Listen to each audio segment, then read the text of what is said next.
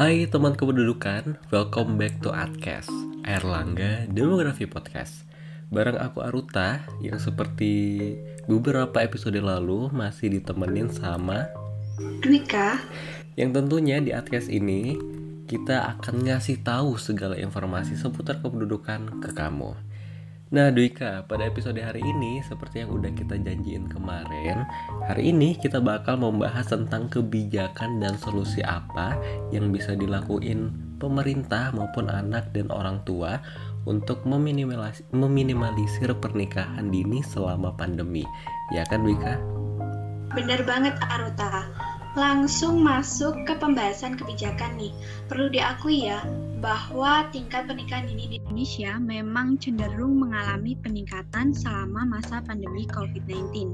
Meskipun demikian, sebenarnya pemerintah itu telah melakukan berbagai langkah dan kebijakan guna menurunkan angka pernikahan dini di Indonesia, bahkan sejak sebelum adanya pandemi COVID-19. Berbagai kebijakan yang dimaksudkan di antaranya yaitu yang pertama ada Undang-Undang Republik Indonesia Nomor 16 tahun 2019 tentang perubahan atas Undang-Undang Nomor 1 tahun 1974 tentang perkawinan, di mana dalam undang-undang ini dijelaskan bahwa batas umur minimal pria dan wanita untuk menikah di Indonesia ialah 19 tahun yang merupakan revisi dari kebijakan sebelumnya yang menyatakan bahwa pernikahan hanya diizinkan bila pihak pria telah berumur 19 tahun dan wanita telah berumur minimal 16 tahun. Yang kedua, langkah Kementerian Pemberdayaan Perempuan dan Perlindungan Anak dalam melakukan kampanye stop perkawinan anak, meningkatkan kapasitas sekaligus peran forum anak sebagai pelopor sekaligus pelapor serta meningkatkan peran pusat pembelajaran keluarga atau puspaka melalui keluarga untuk mencegah perkawinan anak terutama di daerah dengan angka perkawinan anak yang masih tinggi. Dan yang ketiga, adanya langkah pemerintah melalui Kemendikbud BKKBN dan badan-badan lainnya seperti menginformasikan sekaligus edukasi masyarakat terutama anak-anak terkait kesehatan reproduksi maupun upaya pencegahan perkawinan anak bahkan sudah terdapat dalam kurikulum pendidikan di Indonesia. Memberikan beasiswa kepada anak-anak yang kurang mampu agar dapat melanjutkan pendidikannya di tengah keterbatasan ekonomi apalagi di masa pandemi COVID-19 ini lalu memberdayakan sekaligus mewadai kreativitas remaja dengan mengadakan lomba, webinar, dan sebagainya. Melakukan himbauan dan ajakan kepada orang tua guna membantu pemerintah dalam mencegah terjadinya pernikahan usia dini, serta yang terakhir bersikap tegas dan berperan aktif dalam menghentikan dispensasi terhadap pihak-pihak yang terbukti melakukan pernikahan dini.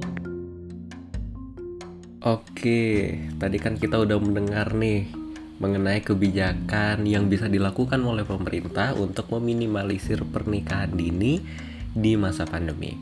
Selanjutnya aku mau ngasih tahu nih ke teman kependudukan tentang solusi apa yang bisa dilakukan oleh seorang anak dan orang tua untuk meminimalisir pernikahan dini selama pandemi COVID-19.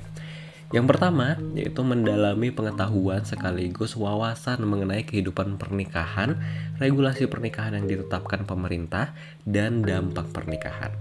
Yang kedua, para orang tua harus mendidik sekaligus memberikan wawasan kepada anaknya dengan sebaik mungkin, menciptakan lingkungan yang baik, memberikan ajaran-ajaran agama, mengasah bakat maupun minat anak, mencegah pergaulan bebas, dan meningkatkan kualitas pendidikan formal bagi anak agar anaknya tidak terjerumus ke dalam pernikahan dini.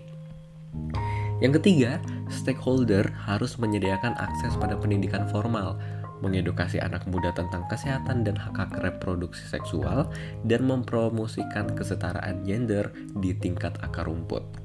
Selanjutnya, para orang tua juga harus meningkatkan intensitas berkumpul sekaligus komunikasi bersama anak, menanyakan kondisi anaknya, bertukar pikiran, memberikan kasih sayang yang cukup, memberikan penjelasan terkait risiko menikah muda, dan memberikan wejangan agar menghindari hal-hal yang dapat menjerumuskan ke arah pernikahan dini. Yang kelima, pemerintah dapat memfasilitasi kelas pranikah untuk dijadikan syarat wajib sebelum menikah. Hal ini dilakukan agar dapat meminimalisir risiko kegagalan rumah tangga dan mencegah pernikahan dini. Para orang tua juga harus tegas nih untuk melarang pernikahan dini pada anaknya, karena dalam Undang-Undang Nomor 1 Tahun 1974 dikatakan bahwa pernikahan yang terjadi antara pasangan yang masih di bawah umur harus mendapatkan izin dari orang tua. Dengan demikian, orang tua harus memiliki ketegasan untuk mengatakan tidak pada pernikahan dini. Yang ketujuh, para orang tua harus memberikan contoh sekaligus keteladanan yang baik dalam hal pernikahan dengan tidak bertengkar di depan anak. Karena ketika orang tua memiliki pernikahan yang sehat, maka cenderung bisa membuat anaknya mempunyai pemahaman yang lebih sehat tentang pernikahan dan cenderung menghindari pernikahan yang bersifat uh, berkonotasi negatif. Selanjutnya, pemerintah harus melakukan pengawasan ketat di kantor, urusan agama agar tidak ada anak-anak yang harus menikah di usia muda. Terakhir, guru sebagai orang tua kedua harus memberikan pendidikan akhlakul karimah pada anaknya saat pembelajaran daring, terutama guru pengajar pendidikan agama dan budaya pekerti. Selain itu, guru BK pun harus memberikan solusi sekaligus edukasi mengenai masalah pergaulan bebas dan dampak dari pernikahan dini itu sendiri. Oke, itu tadi sekilas apa aja kebijakan yang bisa dilakukan oleh pemerintah serta solusi apa yang bisa dilakukan oleh orang tua dan anak untuk meminimalisir adanya pernikahan dini di masa pandemi COVID-19. Wah, gak kerasa nih ya, kita udah di akhir episode kali ini aja ya. Semoga teman kependudukan dapat mengimplementasikannya di kehidupan sehari-hari ya. Ayo kita tolak pernikahan dini. Kalau gitu aku Dwika dan aku Aruta. Kita pamit undur diri. Sampai bertemu di episode Adcast selanjutnya. Dadah.